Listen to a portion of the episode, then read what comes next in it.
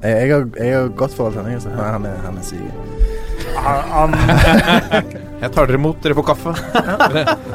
Nå mista jeg lyden i høretelefonene. Der kom de tilbake. Ja. Ja, det er hyggelig å være her. Jeg er glad i, i podkast som fenomen. Jeg må ut. hjemme mot Lyngen Karnes gikk de på et litt leit 0-19-tap eh, Oh. her. Hvilken det- divisjon snakker vi? Er det tredje eller fjerde? Fjerde, fjerde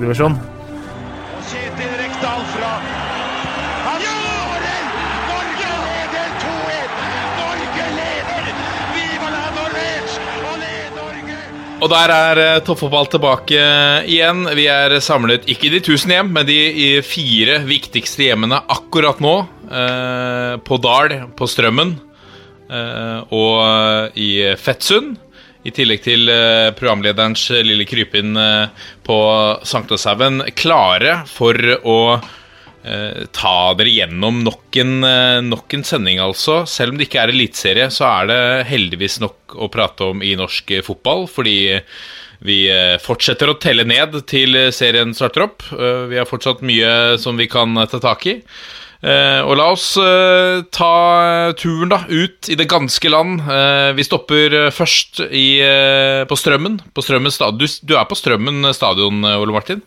Ja, så jeg kunne jo egentlig korrigert deg på når du sa at du var inne i de fire viktigste hjemma, men så er jo for så vidt jeg er mer her enn hjemme likevel, så det stemmer vel kanskje greit uansett. Det var det jeg tenkte. For du har ikke gått skrittet som Vegard Hansen har, å kjøpe deg leilighet på Strømmen stadion? Nei, vi har jo noen sånne utleieleiligheter her, men de er dessverre opptatt. Men eh, når de blir ledige, så kan det godt hende jeg havner inn der, ja. Men eh, jeg sov jo en del i trenergarderoben eh, før jeg flytta hit, da, første to månedene. Og det funker greit, det, men eh, så lenge, i og med at jeg ikke er singel, så føler jeg at jeg må ha en eh, leilighet eh, som hun kan være i når ikke, ikke jeg er hjemme. Ja, for det er kun, kun av henne. ikke sant? Hadde det vært opp til deg, så kunne du sovet på massasjebenken. Ja, da hadde jeg bodd her, ja. Det er faktisk helt riktig. Men jeg velger jo heller å være sammen med henne og ha leilighet, bare så det er sagt. Ja, ja, det skjønner jeg. Vi tar turen videre til en mann som setter komfort hakket høyere, nemlig deg, Lasse Wangstein, på Dal. Ja, hei. Du setter komfort høyt. Eh, ja, jeg er glad i komfort, jeg. Selv om jeg faktisk eh, har valgt å gå ut av komfortsonen eh, sånn sovemessig i kommende natt, så skal vi sove i telt ute i hagen. Er det sant? Ja, det er sant. Så vi spiller Hele jo inn familien, eller du og gutta? Hæ? Hele familien, eller du og gutta? Nei, hele familien, ja.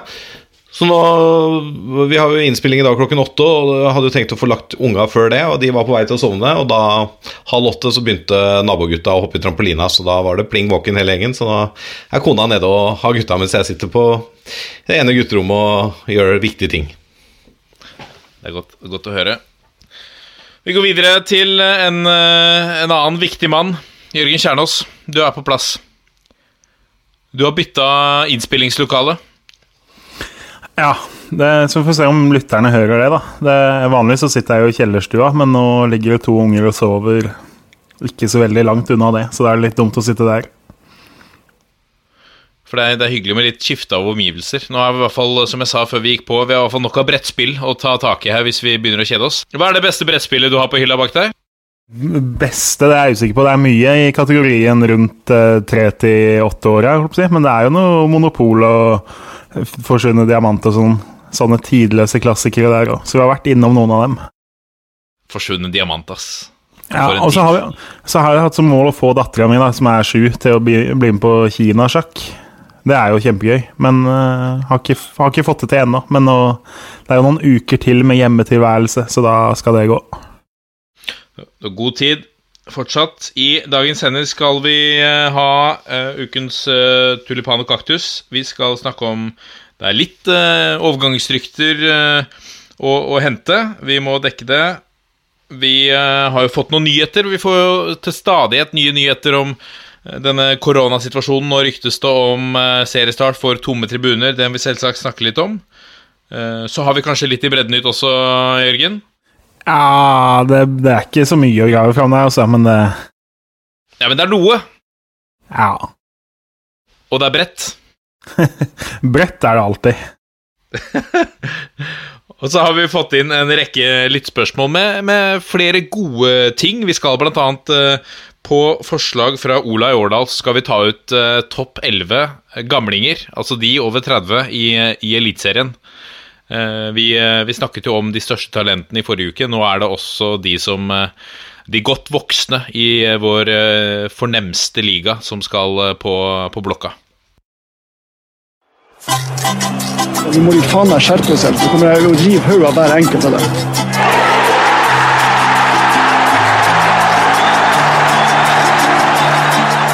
Kommet til ukens tulipan og kaktus ved spaltens president eh, Lasse Wangstein. Jo, takk for det. Takk for det. Eh, Jeg eh, drar meg inn i kaktusverden først. Og den eh, går den uken her til eh, Sparebank1 SMN og Rosenborg. For de har jo lansert Eller det vil si Rosenborg har jo lansert sin nye hjemmedrakt for året. Eh, og den er jo da preget, kan man vel si, av uh, dobbelt logo for hovedsponsor Sparebank1 SMN. Uh, det er da navn øverst, og så er det en sånn badeball-logo, som det heter, under. Og den, den ser ikke pen ut, rett og slett. Eh, supporterne raser jo selvfølgelig eh, og håper at klubb og sponsor tar til vettet. Det skjer jo selvfølgelig sannsynligvis ikke, men eh, her må man jo bare bruke uttrykket 'less eh, is more'. Eh, og så kan man jo se på den kvinnedrakten som ble lansert eh, for Rosenborgs nye nysatsing RBK kvinner, eller hva de kaller seg. Den er jo foreløpig sponsorfri og er jo helt nydelig. I, til sammenligning. Så mm, det blir en kaktus der, altså, for det mm, Ja, jeg forstår viktigheten av sponsorer, og jeg forstår viktigheten av synlighet, for det, synlighet på drakt er ekstremt viktig for de som legger igjen mange millioner i fotballklubber rundt om i landet. Det, sånn er det bare. Og den eh, draktplasseringa på magen og brystet er den viktigste, og den skal du helst ha alene, men du trenger ikke å overdrive det heller. Det, det holder med logo eller navnet. Du trenger ikke å gjøre dobbelt opp, liksom. Og drakta blir ikke pen, for den, den badeballen tar mye plass, altså. Så skal det jo nevnes at eh, drakta var jo ganske lik eh, i fjorårssesongen, og da også var jo reaksjonene ganske Ganske lydhøre fra supportergjengen, som da kanskje hadde håpa at eh, både klubb og sponsor eh, skulle skulle høre på de litt mer inn mot årets sesong, da, og det har jo også litt med det raseriet som da vises i år, at eh, de tilbakemeldingene ikke er tatt hensyn til i det hele tatt. Eh, Så har jeg da egentlig to tulipaner. Først en liten tulipan i samme anledning, altså draktanledning. Uh, Og den, den kommer jo veldig fra hjertet mitt, selvfølgelig. Jeg har fått sett bilde av den nye bortedrakta til Vålerenga. Gud bedre, den er pen, ass. Den er rett og slett Ja, den var- vakker. den var fin. Ja, den var, den var, var fin. fin, Bra jobba av eh, Umbros og Vålerenga for den. Eh, hovedtulipanen i dag, eh, den eh, trekker vi mm, sør i Viken eh, fylke. Det vil si litt inn i landet. I nærme svenskegrensa så er det en klubb som heter Sarpsborg 08. Spillergruppa der har gått til klubbledelsen med beskjed om at de unisont har 20% lønnskutt for å hjelpe klubben i en vanskelig tid. Det syns jeg rett og slett er klasse, altså. Det All ære til den spillergruppa for å gjøre det. Uh, selvfølgelig, uh, helt sikkert for å bidra til å redde sine egne jobber og ikke bli permittert. Uh, sannsynligvis også for å redde jobbene til mange av de som jobber i og rundt klubben. Likevel, eh, det er ikke alle fotballspillere i Norge som har millionlønninger. Men har du en million, så tar du, skaler av 200 000 av den lønninga. Det, det er, det er sterkt. Så den tulipanen får de ta på deling. Eller tulipanen ned, da. Og så mm, bare si at det er bra jobba. Nå kommer pulsen. Og Da er vi kommet til pulsen, og vi begynner pulsen med litt overgangsrykter. eh, Fordi eh, det jobbes eh, jo, selv om eh, Inge André Olsen har reist sin kos, og det permitteres folk, og folk jobber hjemmefra, så så uh, står det ikke stille likevel, da, i, i, på klubbkontorene i det ganske land. Stabæk selvfølgelig er fortsatt uh, aktive og har uh, gleden av å ønske Romain Gall velkommen til klubben. Han ble hentet fra Malmö. Blir Altså er signert en låneavtale, men blir omtalt som en, en solid erstatning. Vi, er det noe vi kan si om han, Jørgen? Ja, det tror jeg er en veldig bra signering. Eh, han var god i Sundsvall, og så er jo kampen om å få spilletid eh, på kanten i Malmö er jo brutal. Eh, det er kanskje noe av det tøffeste altså Ved siden av SS København så er det det tøffeste laget å få spilletid på i Norden. Eh, var nære overgang til et par andre norske klubber i sommer, uten at det ble nå. Stabæk var vel inne i bildet da, de også. Så tipper jeg jo kanskje, selv om han kanskje er best på høyre, at de tenker altså det er en Brynildsen-erstatter. For Ola Brynildsen har jo kontrakt som går ut kanskje før vi får spilt mer fotball eh, denne sesongen. I verste fall. Så Uh, jeg syns Stabæk jeg synes de uh, gjør mye fint. Nå snakka vi om han Konstantinov i uh, Ulf sist sending, og så henta jo Stabæk han et par dager seinere. ikke helt uventa. Og så har de jo da vært på Odin Bjørtuft og Kevin Krygård, så de går på en måte etter de lovende norske unges gode spillerne som er i klubber de likevel har mulighet til å hente fra. da Uh, så jeg liker jo den strategien. Uh, Stabæk har jo veldig det derre uh, bedriftsøkonomiske aspektet i alt det her. Altså hent billig, kjøp dyrt. De er kanskje, eller de er den klubben som har gjort det best, kanskje gjennom det forrige årtiet, tiåret. og Inge André Olsen, jeg syns jo det, når han da avslutter med å forsøke å hente de, så gjør han jo jobben hele veien ut til Stabæk, da. Det går ikke an å si noe annet. Absolutt. Det blir spennende å se hva de sitter igjen med til slutt der eh, på, på Nadderud. Um, så er det rykter rundt uh, vår kjære hva skal vi si? Skal vi si kommende landslagskaptein? Det er jo litt utenkelig at han blir det. Kristoffer Ayer, som nå ryktes til uh, AC Milan. Det snakkes om at uh, Tore Pedersen har sagt at det ikke er utenkelig at han går til sommeren. fra før har vi hørt at Tottenham har følere ute på Eh, på Ayer. Eh, hvor tenker du er en, et bra neste stopp for han, eh, Ole Martin? Neste han får spille på litt høyere nivå enn i skotske Premier League. Um, så er jo Celtic er jo en enorm klubb, og så er jo nivået på selve ligaen i Skottland er jo ikke nødvendigvis så veldig mye høyere enn det vi har i norsk fotball, hvis det i det hele tatt er høyere, sånn gjennomsnittsnivå. Men jeg er Hvis han får spille i AC Milan, så må han jo dra dit. Hvis ikke han får spille i AC Milan, så bør han ikke dra dit. Uh, han er også i en alder nå hvor han, han er 98-modell, fyller 22 eh, år. Han, han, kan ikke Han er for gammel nå til å reise til en for stor klubb og bli sittende tre år på benken. Han er nødt til å velge en klubb hvor han får spille, og så tror jeg at uh, både han og Tore er klar over dette sjøl, så jeg tipper at de finner fint ut av det. Men uh, ja, det viktigste nå er spilletid, i hvert fall. Hva er, hvis man skal tenke uh, Har vi en, en, liga som passer perfekt til å gå fra, fra Skottland og ikke opp til kanskje de uh, topp fire-fem store? Er liksom Nederland et steg opp fra, fra Skottland, tenker du? Nå skal ikke jeg påberope meg å være noen ekspert på nederlandsk uh, fotball, men jeg mener ja. Så ser jeg Lasse vil legge til noe her. Ja, nei, det er, altså, nå, Uten å dra denne sammenligningen for langt, da, men, eh, og det, skal jeg overhodet ikke gjøre, men det er én eh, midtstopper i eh, verden i dag som er ganske god, som var i samme klubb som Ayer er nå tidligere, og han gikk jo til Southampton før han gikk videre til Liverpool, og det er jo han van Dijk i, i Liverpool da, som jeg snakker om. Og jeg tror nok Og han også var jo på en måte litt i den alderskategorien der. Han, var, han slo jo ikke igjennom for fullt som 17-åring.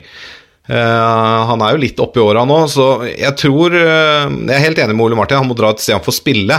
Og da kan det hende at en sånn type midten og ned-klubb i Premier League er et bra steg fra Skottland, eller kanskje Nederland, eller en litt sånn rett under topp tre i Tyskland, under topp seks i Spania-type klubb, da, kan være en fornuftig karrierevei nå for Ayer. Og så um, jeg har jo veldig sans for spilletypen, og, jeg, og han kan jo spille på høyresida og i Forsvaret, uh, i tillegg til stopper, men uh, jeg, jeg, har litt følelsen at han kanskje er litt sånn, sånn Kan passe godt i engelsk fotball, altså. Jeg vet ikke hvorfor, men og jeg, Engelsk fotball Det er jo såpass mye penger i omløp der, og den jo, er jo såpass eh, stor blitt, den ligaen der borte, at um, alle norske spillere som spiller i, på toppnivå i England, er jo veldig stas for norsk fotball, tenker jeg, da.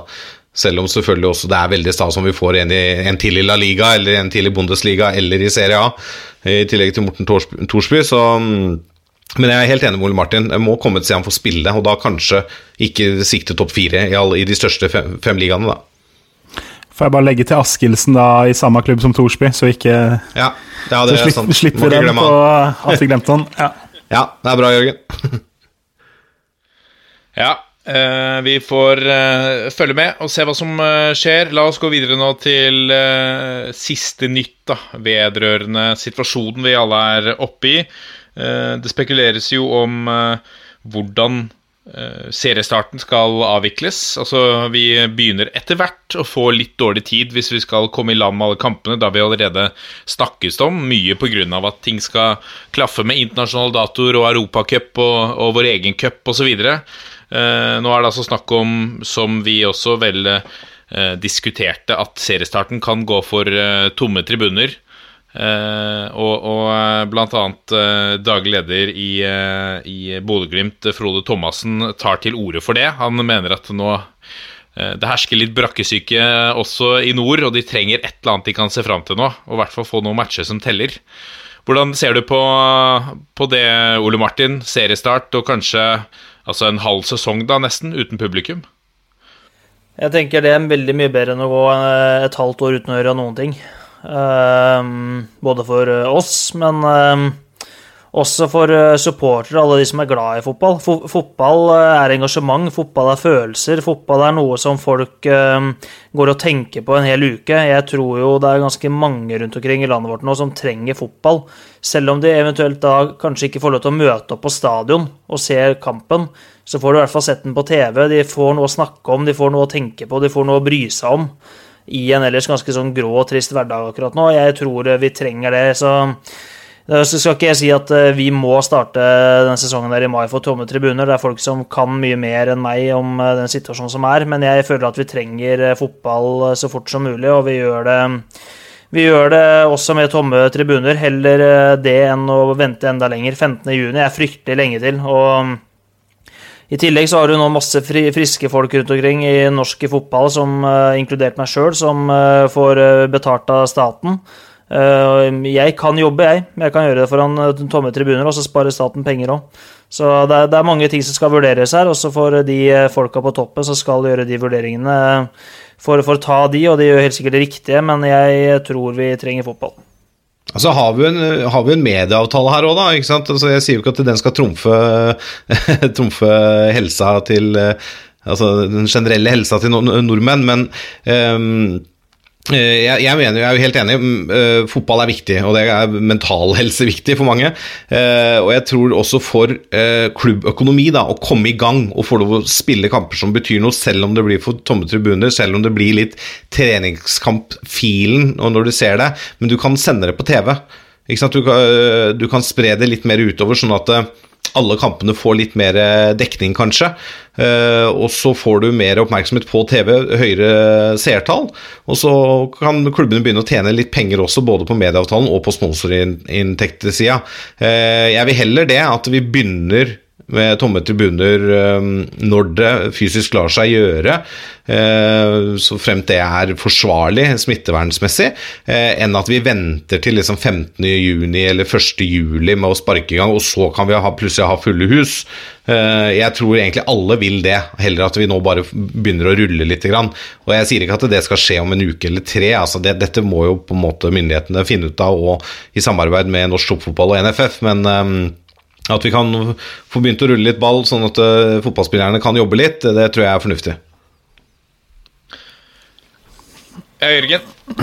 Ja, nei, altså det blir jo Altså, det blir jo, begynner jo å bli dårlig tid. Vi snakka jo litt om altså cupen er nødt til å vike nå. Den eh, Vi nevnte det sist uke at det det ser dårlig ut for cupen, og nå er jeg helt sikker. Det, eh, du skal få brukbare odds av meg på at det blir spilt en cupfinale på Ullevål eh, denne sesongen her. Det, jeg, I verste fall så gjør man det om og spiller kanskje et par runder hvis man får tid til det på høsten, og så får man en cupfinale tidlig neste sesong eller et eller annet. Eh, men det blir ikke cupfinale på Ullevål i år. Det tror jeg nesten vi kan slå fast. Fordi det skal Europacup inn i det, og det skal sannsynligvis noen landskamper inn i høst også. Eh, så Det er tettpakka. Jeg sliter litt med å se at vi skal få til 30 runder også, selv om det starter 1.7. Da, da er det en fordel hvis ikke Molde eller Rosenborg eller noen av de andre når gruppespill i Europa, rett og slett.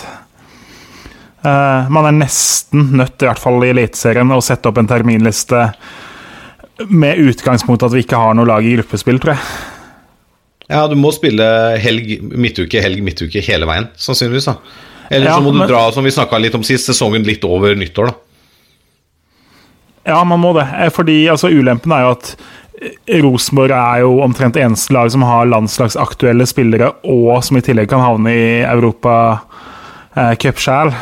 Så på en måte, hvis ikke landslaget hadde hatt noen spillere i Eliteserien, så kunne vi jo bare spilt under landskamppausen. Vi kan jo ikke tvinge Rosenborg til å spille uten Meling og Reginiussen og André Hansen, på en måte. Så Så, så nei, jeg, jeg er fortsatt glad jeg ikke har den jobben med å sette opp terminlistene. Men uh, det er klart sånn Du, du gir et forsøk på Twitter hvert år, da. Hæ? Ja da, men uh, det blir jo noe litt, da. Men altså, jeg er helt enig at TV-messig, altså hvis det blir sånn nå at vi starter opp uten tilskuere, som jo er realistisk uh, Det er jo mer realistisk det enn noe annet. At vi starter opp i juli eller august med, uten tilskuere en stund. Og da er det jo bare å få det utover, få et par kamper mandag, et par kamper tirsdag, et par kamper Altså ha norsk fotball nesten hver eneste kveld er jo en mulighet. Eh, jeg tipper jo Discovery er Fornøyde er jo teit å si at noen er sånn som verden er nå, men eh, jeg tipper jo de ser mulighetene her, da.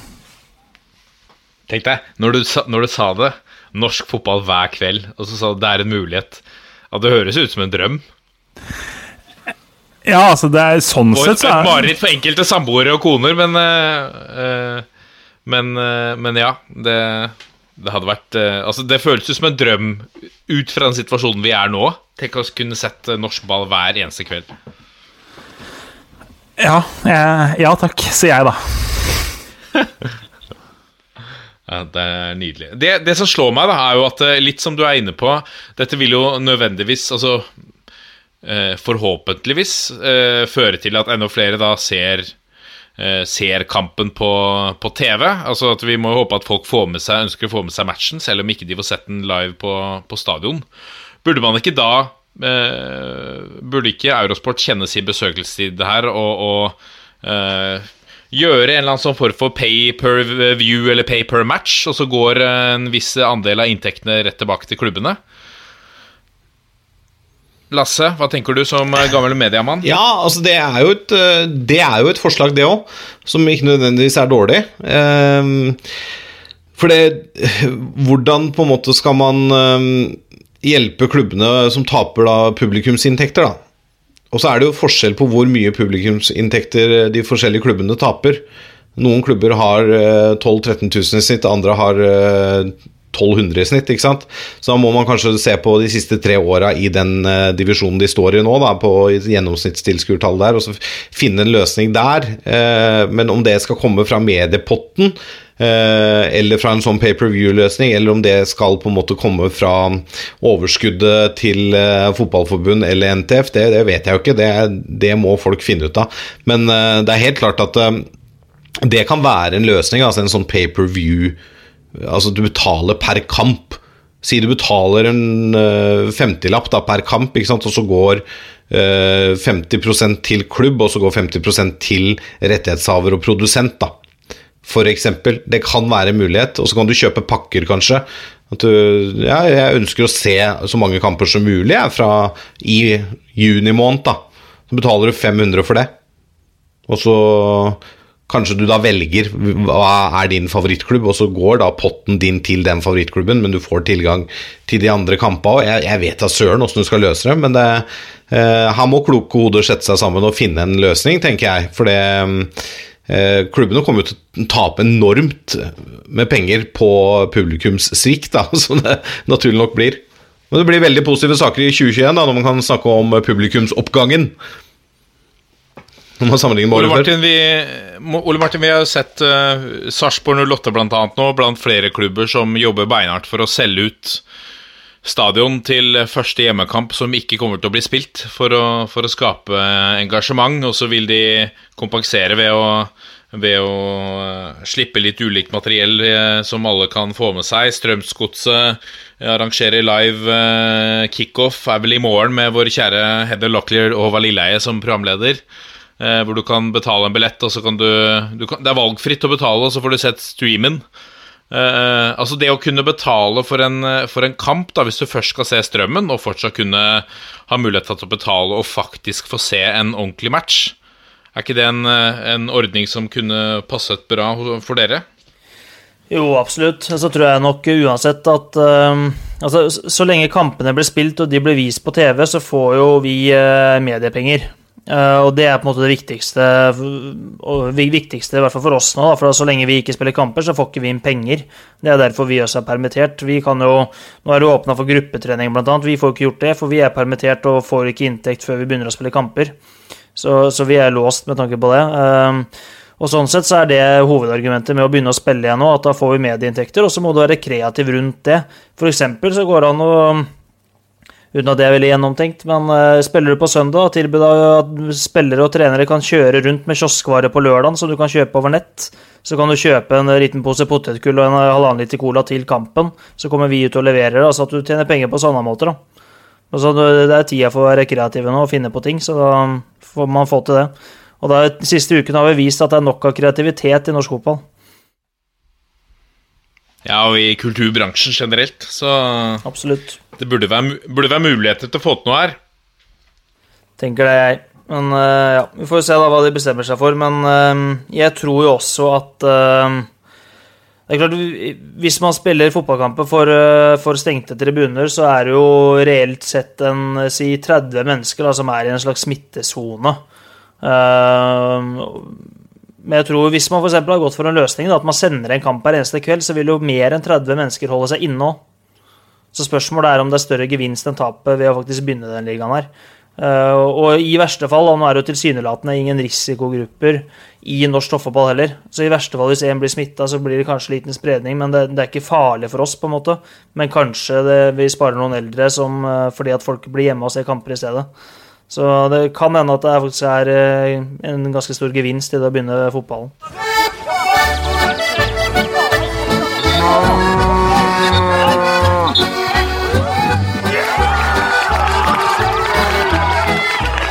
Og da er det klart for eh, Breddenytt ved spaltens president, Jørgen Kjernås.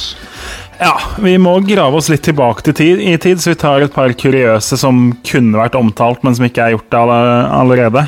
Eh, norske fotballklubber må jo trene hver for seg nå, så det er mye kreative varianter. Vi tar en tweet fra Blakeren, som jo bør være kjent. Eh, trener også fjerdedivisjonslaget til Blaker. Mandag, slapp av. Tirsdag løp én time. Onsdag serier med kona. Torsdag løp en time. Fredag skjenk. Lørdag dagskjenk. Og søndag rolig. Prates i april. Jeg, liker at han også legger inn litt sånn eh, kone-samboer der. Og så eh, er han vel eh, jeg, jeg føler liksom det er mye realisme i det. da Altså Det er vel sånn det er nede i bredden der. Ja, jeg tror det er visse fjerdedivisjonsspillere som skal være fornøyd hvis de kommer seg gjennom det programmet, faktisk. Så Men så er det også fint at han, han legger inn kona og samboer, men han legger inn det én gang i uka. Men han, han har to skjenk. To skjenk, ja. Det er viktig. Selvsagt. Dagskjenk, det er viktig. Uh, yes. Sak nummer to. Vi, Lysekloster står jo bak masse morsomme overganger. I fjor så henta de jo en midtstopper fra Brattvåg og så sendte inn videre til en Champions League-klubb etter halvannen måned. Uh, nå så er det jo veteran Alonso Sanchez Gonzales. Har hatt en eh, karriere stort sett på lavt nivå på Island og i Norge. Eh, vært i Fram og vært i Valdres, i hvert fall. Og så nå da eh, vært i Lysekloster. Han gikk i januar til Royal Pari FC, som er da på øverste nivå i Bolivia. Eh, så det er, altså det er en spanjol fra lavere nivå i Norge som da går til boliviansk toppfotball. Eh, Gudene må vite hvordan ting henger sammen der, men det er jo klart det er agenter og sånt. Men eh, det, det høres ut som noe du kunne sett på Championship Manager. da. Men er det spanjolenes svar på Bjørn Mars? Bjørn Mars har jo vært innom eh, masse bakgårder nedover i fotball-Europa. Bulgaria, portugisisk andredivisjon. Eh, han, hadde, han, har hatt, han har vært noen runder rundt, føler jeg. Han har en CV som er gjenkjennelig. Det kan man vel si. FK Tønsberg Altså, det er jo Apropos bakgård. Videre. Ja, nei, jeg tror vi har uh, Det er ikke så mye nå. Det, det skulle jo vært det, fy fader. Det skulle jo vært uh, seriestart i morgen. Skulle jo vært første matchen i tredje divisjon. Eller i dag. Det var én kamp som var tidlig, i hvert fall sånn egentlig. Uh, så vi skulle jo egentlig ha fylt denne spalten til randen og vel så det. Men dette får bli det for nå. Dette er toppfotball. Vi raser eh, videre. Nå eh, skulle vi hatt en, eh, en, en spalte hvis navn foreløpig er Nesselquist, men vi kan ikke ha det hver uke, Ole Martin. Da blir det ikke like lyks. altså Det føles ikke like eksklusivt. Men nå har jeg fått, et, fått en henvendelse fra Stian Ramstad, som har et forslag til navn på spalten, men det vil jo også legge litt føringer for hva du skal ha som innhold. Han foreslår at spalten skal hete Nesselquist kvesser klørne. Kanskje også for å gjøre det litt vanskelig for programleder å lese opp navnet på spalten. Ehm, Tiltalen, eh, nei, Tittelen legger jo visse føringer for hva slags tone spalten skal ha. Det må selvfølgelig hovedpersonen selv være med på, men synes den klinger for bra til å overses fullstendig. Nesselquist kvesser klørne.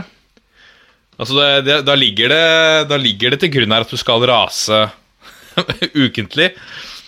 Ja. Altså sånn utgangspunktet så har ikke jeg noe problem med å rase ukentlig. Jeg gjør det stort sett daglig, men jeg vet ikke om jeg vil gjøre det på podkast hele tida. Men uh, ja, tenke litt på den, eller? Men Det er godt forslag. Godt innspill.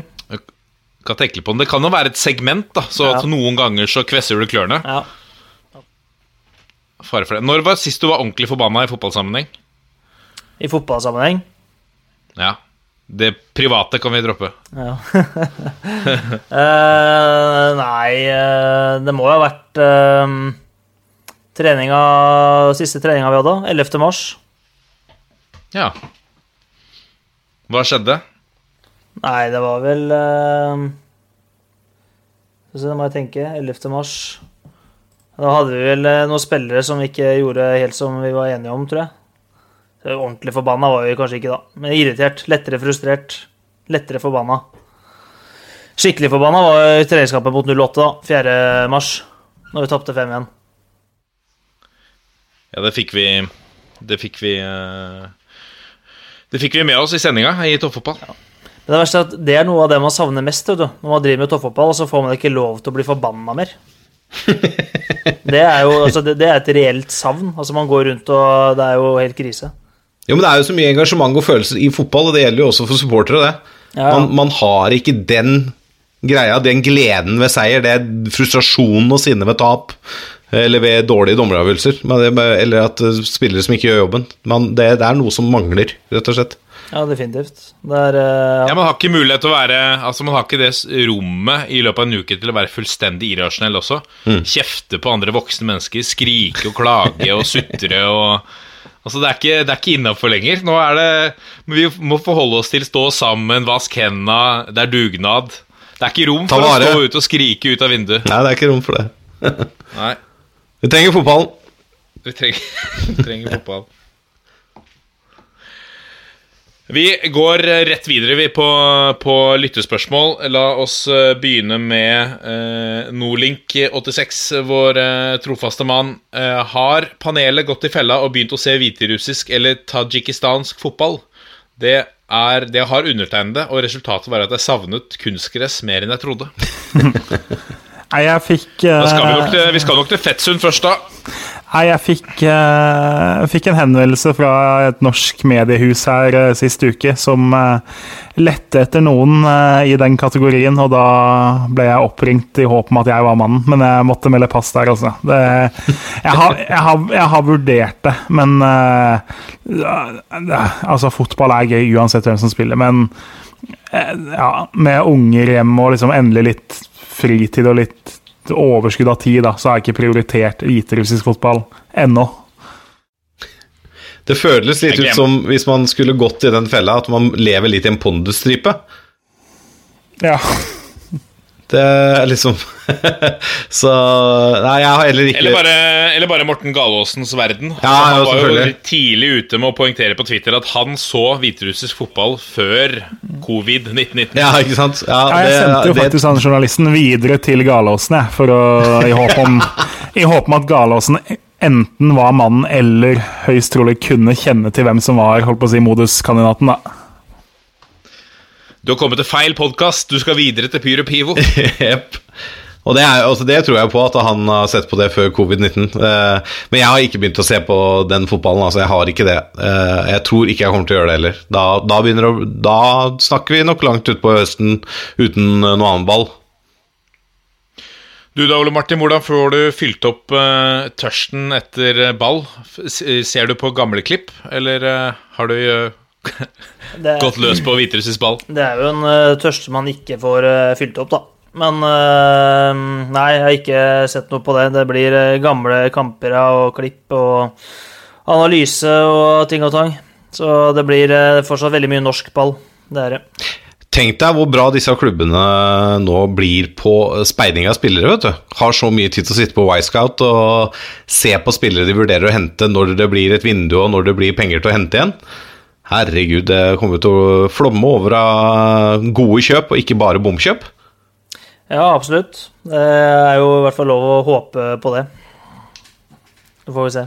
Og Ikke minst så kommer jo alle til å utstudere hverandre av alle motstandere, så alle matchene kommer vel til å ende 0-0, tenker jeg. Nuller hverandre helt, ja. ja.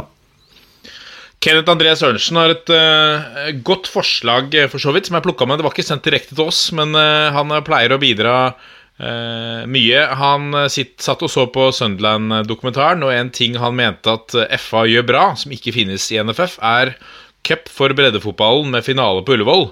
Det bør prøves ut kanskje ikke i år, men, men kunne ikke det vært noe, uh, Kjernås, for, uh, for 2021 f.eks.? En bredde, et slags bredde-NM? Jo, altså, jeg har jo lekt med tankene òg. Jeg er litt usikker på liksom hvor stort engasjement det hadde blitt rundt det, egentlig, da. Eh, Men det er klart, de klubba spiller jo stort sett bare hver helg i 2. og 3. divisjon, så det er jo rom for å teste ut, men det blir litt sånn Skal du ha fri trekning, og så får du Fløya mot eh, Stål i tredje runde, liksom, så er det tungt, det òg. Så det, det er definitivt et spennende forslag, men problemet er jo at Norge er såpass langstrakt i forhold til England at uh, vi har noen utfordringer der.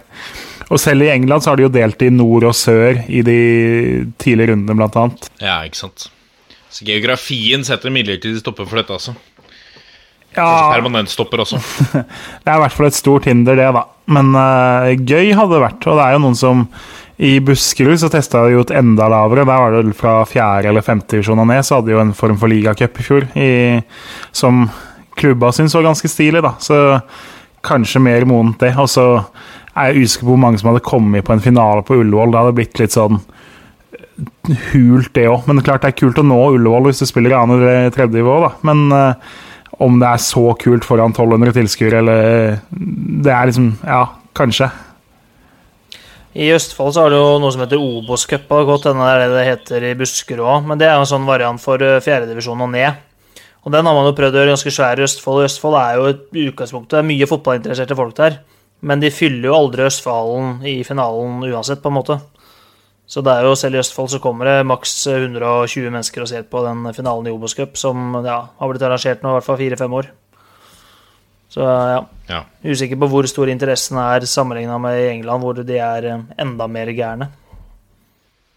Det er et godt poeng. Det er, en, eh, det er en fin drøm, i hvert fall. Du skulle bare hatt ti ganger så mye mennesker, så kanskje det hadde blitt eh, litt mer interessant.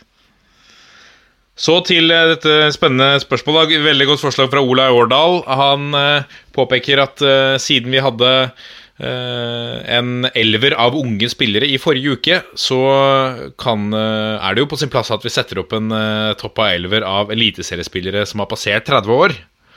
Eh, og da kan vi jo Vi kan jo ta diskusjonen per, eh, per ledd, da.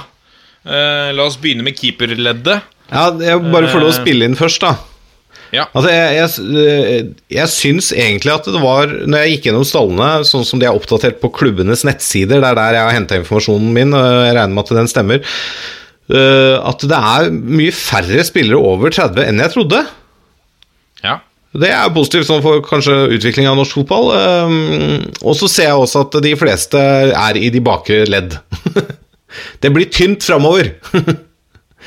Men da, jeg bare kaster meg på, jeg, da, og jeg syns det er vanskelig å komme utenom André Hansen i Rosenborg som keeper eh, over 30 i Eliteserien.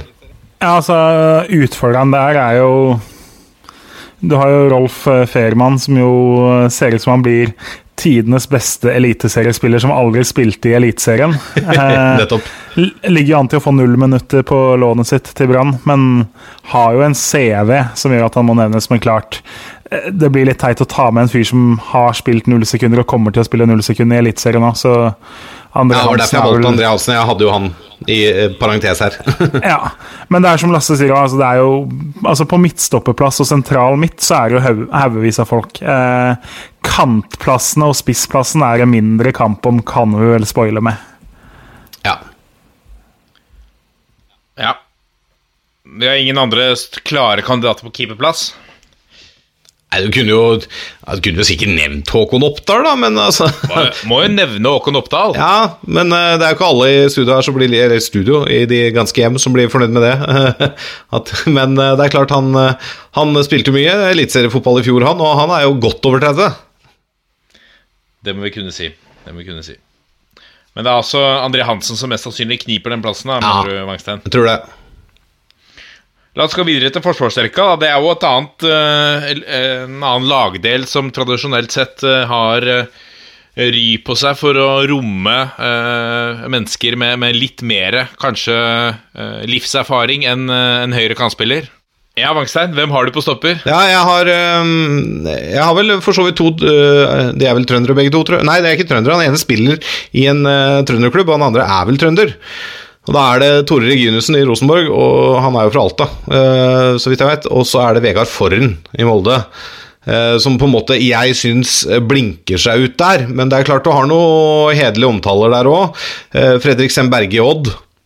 Bismar Acosta i Brann og Kristoff Psyché, er det det som du sier, i Kristiansund, er jo også alle over 30 og bør jo kunne nevnes eh, å være med i en konkurranse om en stoppeplass. Og jeg tok, jeg må si først, jeg droppa disse 1990-gutta som kanskje akkurat har fylt eh, 30, da. For det Jeg tenkte at 80-tallet får gjelde. Men Steffen Hagen eh, har jeg inn på mitt lag, da.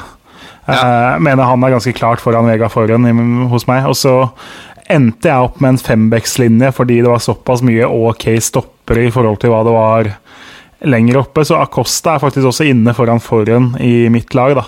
Men uh, ser at den er moden for debatt. Men når du ser på en måte antall spillere totalt, så syns jeg jo tre stoppere var fornuftig. Altså Oddbjørn Lie, Dan Petter Ulvestad, Jørgen Horn, uh, Joakim Jørgensen. Altså det er jo noen anstendige spillere da, som er stoppere og 30 pluss.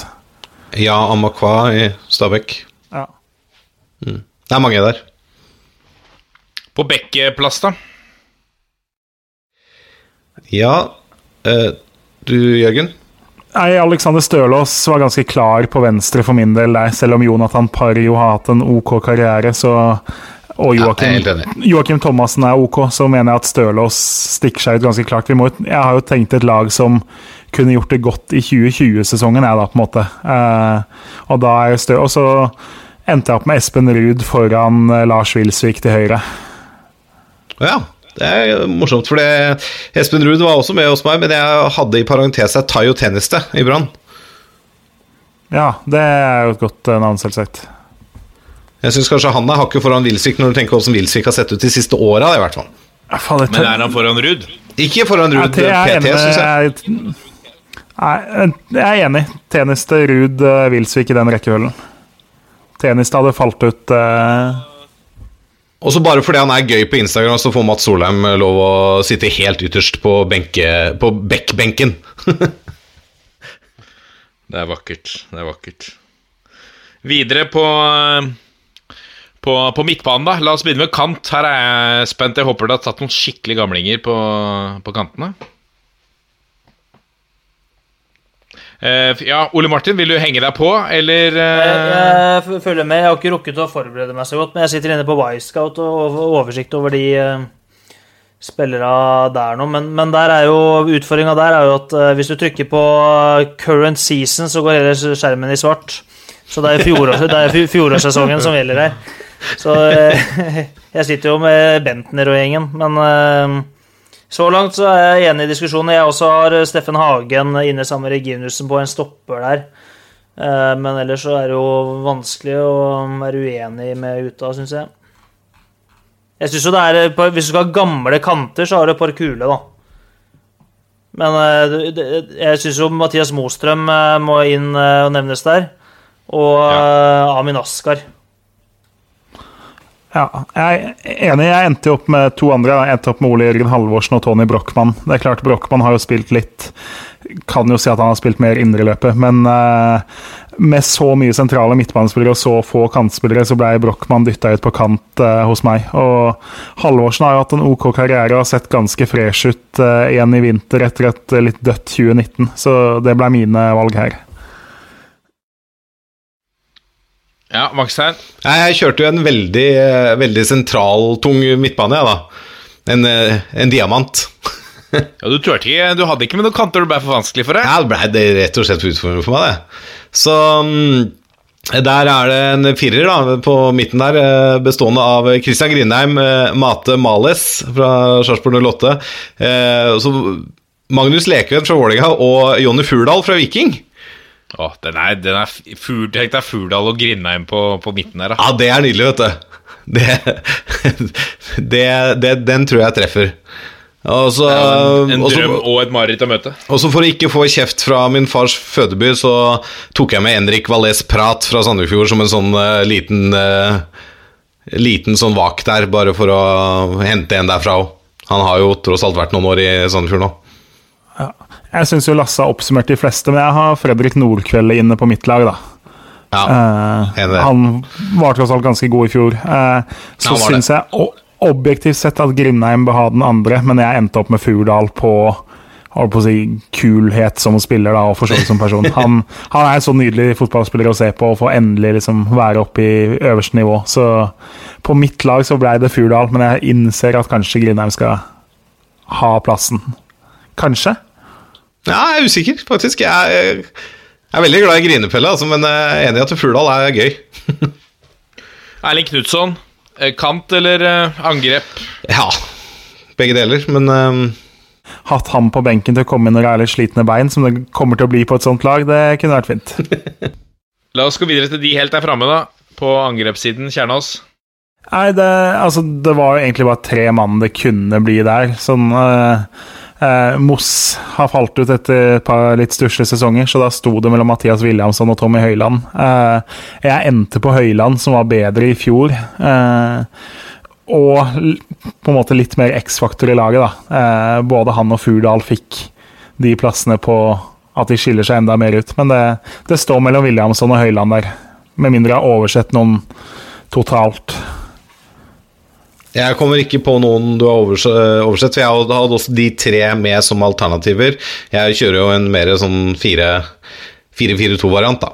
Så jeg har da Matti Williamson og Tommy Høiland på topp, med Moss Abdelaue som banker på døra. Hvem, hvem tror du har vunnet av, av eh, de gamle og de unge her, da? De unge fra forrige uke. Det var en eh, ganske frisk eh, lineup, det også. Gamle vinner på rutinen. Alltid. Alltid. Ja, det, det, det, det gamle laget her hadde vunnet det ganske greit, for det her er ganske Ja. bra lag, faktisk. Ja, det er det. Ja. Ganske habilt eh, lag. Det laget her hadde greid seg i Obos. Det er bra. Vi går videre. Petter Rødemark eh, spør hva er deres favorittspillertyper? Ole Martin, har du, har du lov til å svare på det? Ja, det har jeg lov til å svare på, men eh, jeg vet ikke om jeg har noe godt svar. Det er jo Det syns jeg er vanskelig spørsmål. Favorittspillertyper. Så det Veldig glad i spisskompetanse. eh, I en eller annen form. Det kan være mye forskjellig. Men veldig glad i spisskompetanse, og veldig glad i de spillere som sjøl evner å få den spisskompetansen til å synes godt. Hvis det ga mening.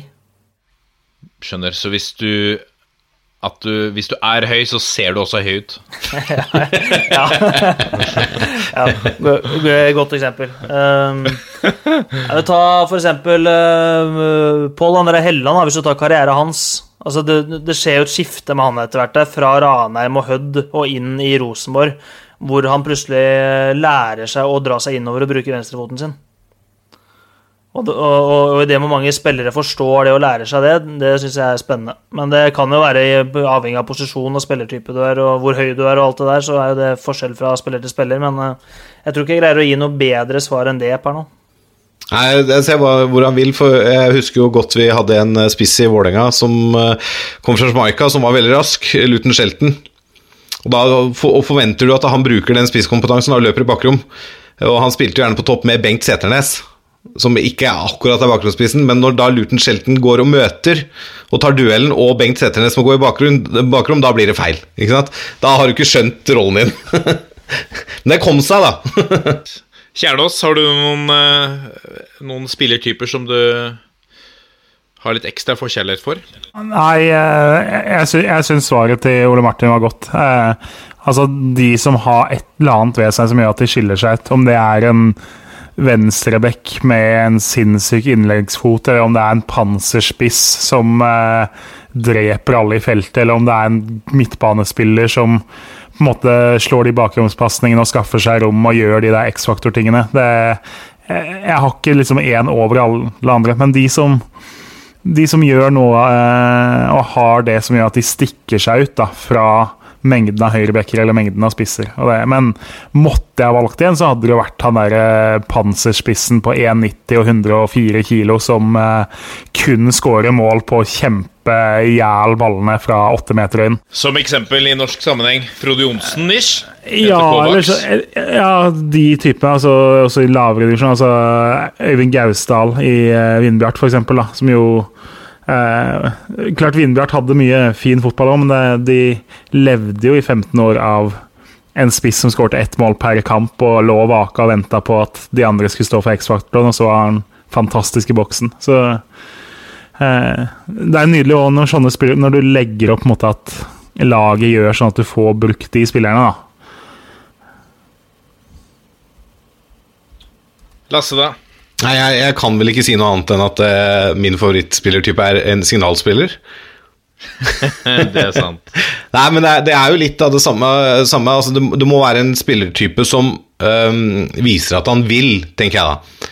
Altså Jeg er veldig glad i de spillerne som, som med sin kroppsholdning og væremåte på banen viser at dette betyr noe. Som får med seg publikum. Som kanskje tør å smelle litt uh, utafor banen nå, som er litt profiler. Uh, det er jo sånne spillertyper uh, For det jeg mener jo, har jeg sagt det før, fotball er jo underholdning. Da kan vi ikke bare ha grå arbeidsjern, vi må ha noen av de, de typene òg. Så det må være der. Jeg har eh, nettopp de grå arbeidsjernene ja, som, eh, som min eh, favoritt. Det kan ha en sammenheng med at jeg- alltid har vært en av de selv. Jeg har aldri klart å happe mer enn eh, eh, Altså tosifra altså, to har vært greit, tresifra har jeg aldri vært i nærheten av. Aldri vært noen teknisk eh, fotballspiller. Har eh, tatt igjen med innsats og, og, og taklinger. Eh, og latt eh, diverse fotballspillere nedover eh, divisjonene på aldersbestemt i Vestfold fått merke det. um, men, men sånn som altså eh, Gattusso, eh, Roy Keane ehm, de, Jo, men- de, type, de typene der. Hæ? Men de er jo ikke grå ar arbeidsjern, de er jo signalspillere, de, da. Ja, for, for så vidt. Det kan du si. Altså, Arbeidsjern så kan du heller snakke litt Altså Kanté og og, og, ehm, og sånne type Makelele og, og de gutta der. Men Men jeg vil helst her, ha de de, er, de er jo så gode, så det er liksom ikke arbeidsjern heller. Nei, ikke Altså, det, det, det er liksom det er, det er, Rivjern, da! det er ikke sånn, hadde, hadde- du putta Kanté inn på laget midt i strømmen, så hadde ikke han vært et arbeidsjern i Obos-ligaen. Han hadde vært en ganske habil fotballspiller i Obos-ligaen. Det vil jeg si. Det hadde vært en playmaker, det kan vi si. Men, eh, men gitt nivå, da. Men eh, altså de som eh, takler hardest og, og kjefter litt og skriker litt og Det er Det elsker jeg. Det blir jeg fyra opp av. Det er vakkert. Enig. La oss gå videre da til neste lyttespørsmål. Det er fra Theo på Twitter, Gladball. Han spør oss hvilket lag var best av følgende seriemestere. Og Da er det Molde i 2019, Rosenborg i 15, Molde i 14, Godset i 13, Rosenborg i 09, Stabæk i 08 og Vålerenga i 05. Og Da spør jeg deg da, Martin. Hvem av disse var den beste seriemesteren? Oh, jeg gikk gjennom disse i eh, sted, ut, egentlig litt sånn ut fra husken. Jeg husker jo at altså eh, Vålerenga, da de vant seriegullet, de var jo bedre i 04. Eh, Spillemessig, ja. De gjorde jo en bedre sesong. De gjorde jo en tidvis veldig dårlig sesong i 05. Det var Eh, sju det var en kamper del uten seier på slutten kanskje? Ja. Får jeg, får jeg Eh, skyte inn? Altså, Ja. de, de vant halvparten av kampene. De tapte 6 av 26, 7 uavgjorte. Eh, 46 poeng. Altså, jeg tror vi kan stryke Vålerenga 05 fra kandidaten. Nei, helt enig. Helt klart. helt klart Stabæk 08, det var for meg første gangen man virkelig så et, et lag som Som øh, hva, hva skal jeg si? Som, som var liksom Rosenborgs nemesis. Altså, Rosenborg klarte ikke å øh, de klarte ikke å få has på de klarte ikke å forstå de. Det var litt som jeg som, da, som er United-supporter, jeg opplevde det litt med eh, Hva skal jeg sammenligne det med? Med, med Arsenal, f.eks. Man sleit alltid litt mot Arsenal. Eh, men du vant kanskje ligagull likevel, men, men Rosenborg sleit i mange år med Stabæk. Vi klarte aldri å, å krekke den koden, og så kom resultatet av det i, i 08, hvor Stabæk gikk og, og vant. Men de Og også med- tapte vel seks kamper, tror jeg. Jeg gjorde det totalt sett. I den, den sesongen, ja. De var jo gode i de kampene. De var veldig gode, da. Ja, Var ikke dette Vegard Pall og, og Nanskog og Ja. ja. Uh, Alan Sinjo, altså Ja, for et lag! Ja, ja. Uh, vanvittig. Uh, ro jeg, jeg må ærlig, ærlig si at jeg sliter med å skille Rosenborg-seriegullsesongene fra hverandre. Det er mye enklere å snakke om de andre lagene. Ja, det er det. Her går det litt eh, i hverandre. Jørgen, eh, Rosenborg i 09. Nei, altså, det var jo Hamren-fotballen, på en måte. Det, Stemmer det. det er jo ikke noe fotball som vil huskes uh, så veldig godt, det er det. Men det er klart, de, de tapte én match hele sesongen. Uh, året etter så tapte de jo ingen kamper, så det uh, Det må jo huskes som et veldig godt lag, men det var litt sånn Rosenborg under Hamren og den tida litt før og sånn. Det det blir jo ikke huska så høyt i Rosenborg-historien, da, på en måte. Men uh, altså, det var jo bunnsolid å se. Altså, med Pritcha og vant Iver Altså, Vant og med 13, med 13 poeng. Ja, Pritcha Ivers vant med 13 poeng i 2009. Som Jørgen sier, ett Ja. tall på to sesonger. Ja, det kom vel i de, Ja. Det kom vel helt på slutten nå av kampen, helt på slutten av sesongen. Så de var gode, men det var liksom ikke noe eh, lag som fortjener å vinne en sånn kåring heller, på en måte. De mangla litt den der eh, lekenheten som Stabæk da vant med året før. ja, og Molde i 14 hadde jo tre tap, men to av de kom jo helt på slutten. Da de mer eller mindre var avgjort, ikke sant. Så det er, det er mange gode alternativer. er van- Jeg syns det er vanskelig å skille de uten å sette meg ned og på en måte se litt highlights fra den sesongen. Og husk, Det blir jo på husk, da. ja, Godset i 2013. Altså, De vant vel gullet der i, i siste serierunde. ja. Jeg strøyk de Molde- litt på grunn av det. Eh, Molde i 19 da, kan jeg si litt om, for den eh, sesongen husker jeg godt. Um, nei, men, men eh, der mener jeg at de var Altså, de hadde, de hadde nesten Det er lenge siden jeg har sett de hadde nesten to elvere. Uh, ikke på alle plasser, riktignok, men det var pokker meg ikke så langt unna. Altså, Kapteinen Ruben Gammelsen satt jo ofte på benken fordi at han var en del av rotasjonssystemet fortsatt. Eh, du hadde en angrepsrekke med tre-fire eh, veldig bra spillere, med eh, rutine i tillegg med Mathias Mostrøm. Altså et gjennomsyra, veldig godt lag som klarte seg i perioder uten Magnus Wolff Eikrem i tillegg. Altså det var uh, Mattis uh, Boli kom inn og, og, og herja litt der. Eh, nei, eh, jeg eh, Det føles litt feil å si det i og med at dette var Det er jo frist i minnet, selvfølgelig, så det påvirker kanskje litt eh, oppfattelsen, men, eh, men de står høyt i kurs eh, på min rekke, altså, ut fra dette. Hva tenker du, Kjernås? Jeg syns Rosenborg 2015 nå var jo voldsomt bra. Eh, det er jo en sesong som kan sammenlignes med den Molde hadde i fjor. De vant også vant med tolv poeng. Eh, var vel nesten identisk eh, i antall scora mål som det Molde gjorde i fjor. Hadde masse stjernespillere. Det, er, det er vanskelig å sette to sånne årganger opp mot hverandre på den måten, men det Si Rosenborg 2015 er da for å være annerledes enn det du sa. Og så har vi i hvert fall fått diskutert det. Jeg Bare skyte inn, jeg er ganske sikker på at eh, Molde 2014 ikke var Solskjerm, at det var uh, Skullerud. Det er riktig. Det er helt korrekt. Og så et spørsmål fra Vegard eh, Bjørgå. Kan en klubb som permitterer 100% løse en spiller fra kontrakt om han kommer tilbake 30 kilo overvektig? Mye prat om trening, egentrening, organisert, spillere sine rettigheter osv. Men det må vel være two-way street om man ikke, ut, ikke kan utføre arbeid etter permisjon pga. form eller lignende? Eller? Ole Martin, hva gjør du hvis eh, en av gutta dine kommer tilbake og eh, Hva skal jeg si? Ser ut er like bred som han er lang? Uh, nei, så vidt jeg veit, så kan vi ikke Vi kan jo ikke terminere kontrakta pga. det. Uh, I hvert fall ikke nå etter at han har vært permittert, for nå er han jo permittert. Vi har ikke noe Han gjør akkurat som han vil. Eh, så det er klart at eh, veien til spilletid vil jo være 30 kilo lang, da. Men eh, det, det skjønner jo spillere òg. Men eh, så vidt jeg veit, så er ikke det noe gyldig grunn til å terminere noe kontrakt, nei. Nei, Uten at jeg kan jussen i dette, så tror heller ikke jeg det, men eh, jeg tror nok at vi kan legge litt den diskusjonen død i forhold til sånn spillere og trening, og at, liksom, at vi skal kritisere spillere for at de nekter å gå på organisert trening fordi at de er permittert, det syns jeg faller litt på sin egen urimelighet. For en, en fotballspiller, jobben hans er å være skikka for å spille fotballkamper.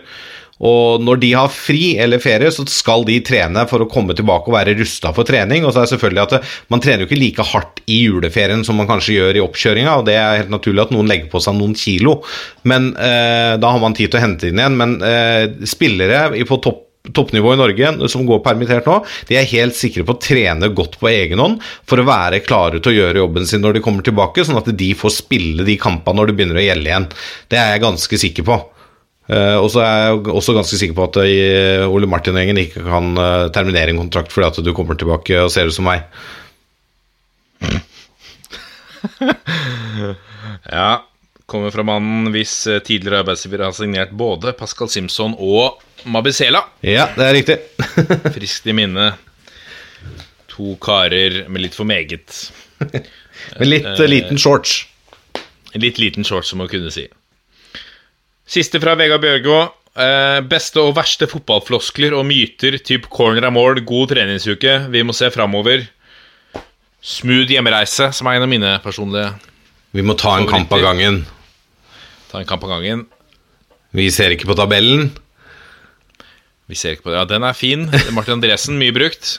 Ole Martin, hva er dine? Liksom, har du noen sånne standardsvar som, som du gir til pressen etter en eh, Etter et påtvunget intervju etter et tap, f.eks.? Ja, men jeg er jo litt sånn at eh, en del av disse her eh, fotballflosklene har jo kommet fordi at det gjerne er noe fornuftig i det, da.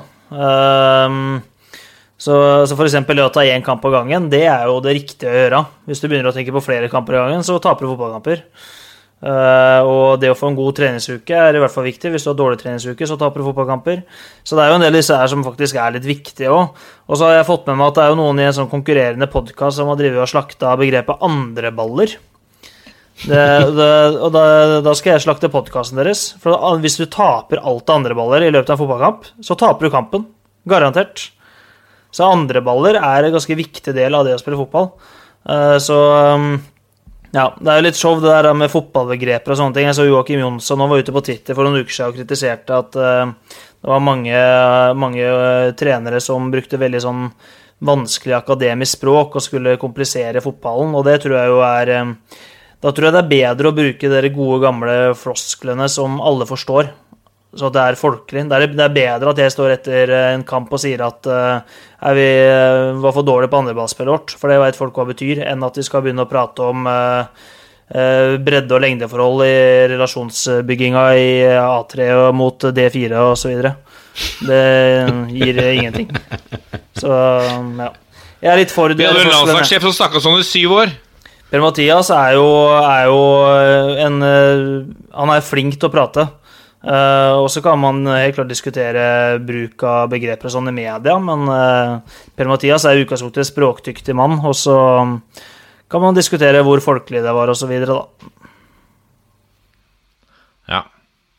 Uh, Jeg husker Da jeg var liten, så var det ett spark fikk vi ofte beskjed om. Hvis vi fikk ballen i Jeg spilte jo i forsvar, selvfølgelig. Ett spark fikk man ofte beskjed om. Det en Det oppfordrer jo ikke til å spille seg ut gjennom midten. Det er ikke tikki takka som ligger til grunn her. Ett spark! Kom igjen! Få det unna! Kjetil Berge spilte jo i Kjelsås. Eh, Kjetil fortalte at når han gjorde det under han Stig Mathisen, så hadde de en øvelse hvor de eh, spilte 11 mot 0. eh, 11 mot 0. Keeperen starta med ballen. Det var kun to regler. Det var at det var ett touch på alle spillere, og alle ballene måtte gå framover. Og så skulle de da score, da.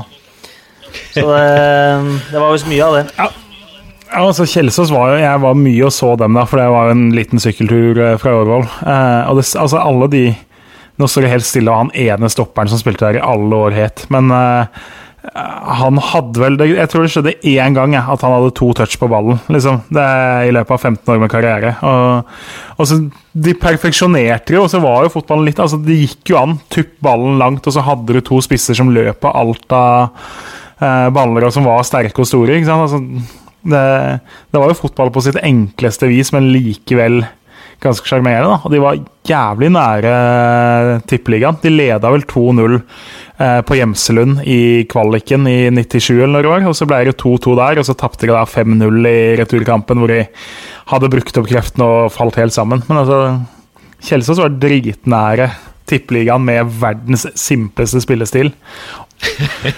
og en trener som vel ofte gikk tur med hundene sine mens treningene pågikk, i hvert fall utover i karrieren. Ak akkurat det siste har jo Kjelsås fortsatt da, med Eivind. Han også går tur med bikkja i pausa og sånn på kamper. Men, eh, men det skal sies da at eh, Stig Mathisen hadde en del gode poenger òg. Det er jo noe i det at hvis du er så ofte som mulig i 16-meteren til motstanderen, så skårer du en del mål. Så det er jo en del eh, interessante poenger der. Det viste seg jo det. Absolutt. Han gjør feil, var en annen beskjed vi fikk ofte. Han gjør feil, kom igjen. Han gjør feil. En slags oppfordring og en nedsyking av motstanderen samtidig. Shout-out til min gamle trener Roy Tore Johnsen. Han gjør feil. Eh, mulig jeg har tatt den før. Mulig jeg har tatt den før, men jeg var og så en eh, cupkamp eh, for noen år tilbake på Lambertseter mellom Merkantil og Skeid. Da var Merkantil i tredje, tror jeg, og Skeid i første divisjon, eller om de var i Eliteserien. Det var jeg tror jeg Halvard Thoresen var trener. Skeid leder 2-0, og da smeller det fra sidelinja fra Halvard Thoresen. Spella kynisk Skeid. Det var liksom Du har full kontroll. Nå må vi spille så kynisk. Tidlig.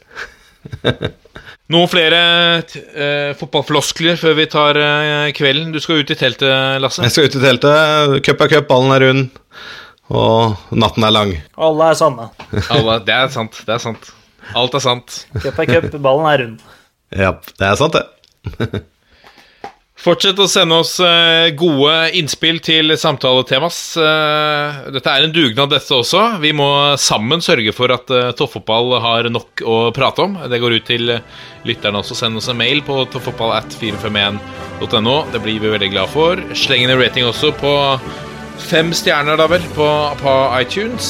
Eller gå inn på Insta og Twitter og Facebook og hvor det måtte være. Eh, så finner du oss der. Og så er vi plutselig tilbake. Så avslutter vi på sedvanlig vis på 1, 2, 3. Vi er en gjeng! Ha det! Ha det. Ha det! Ha det.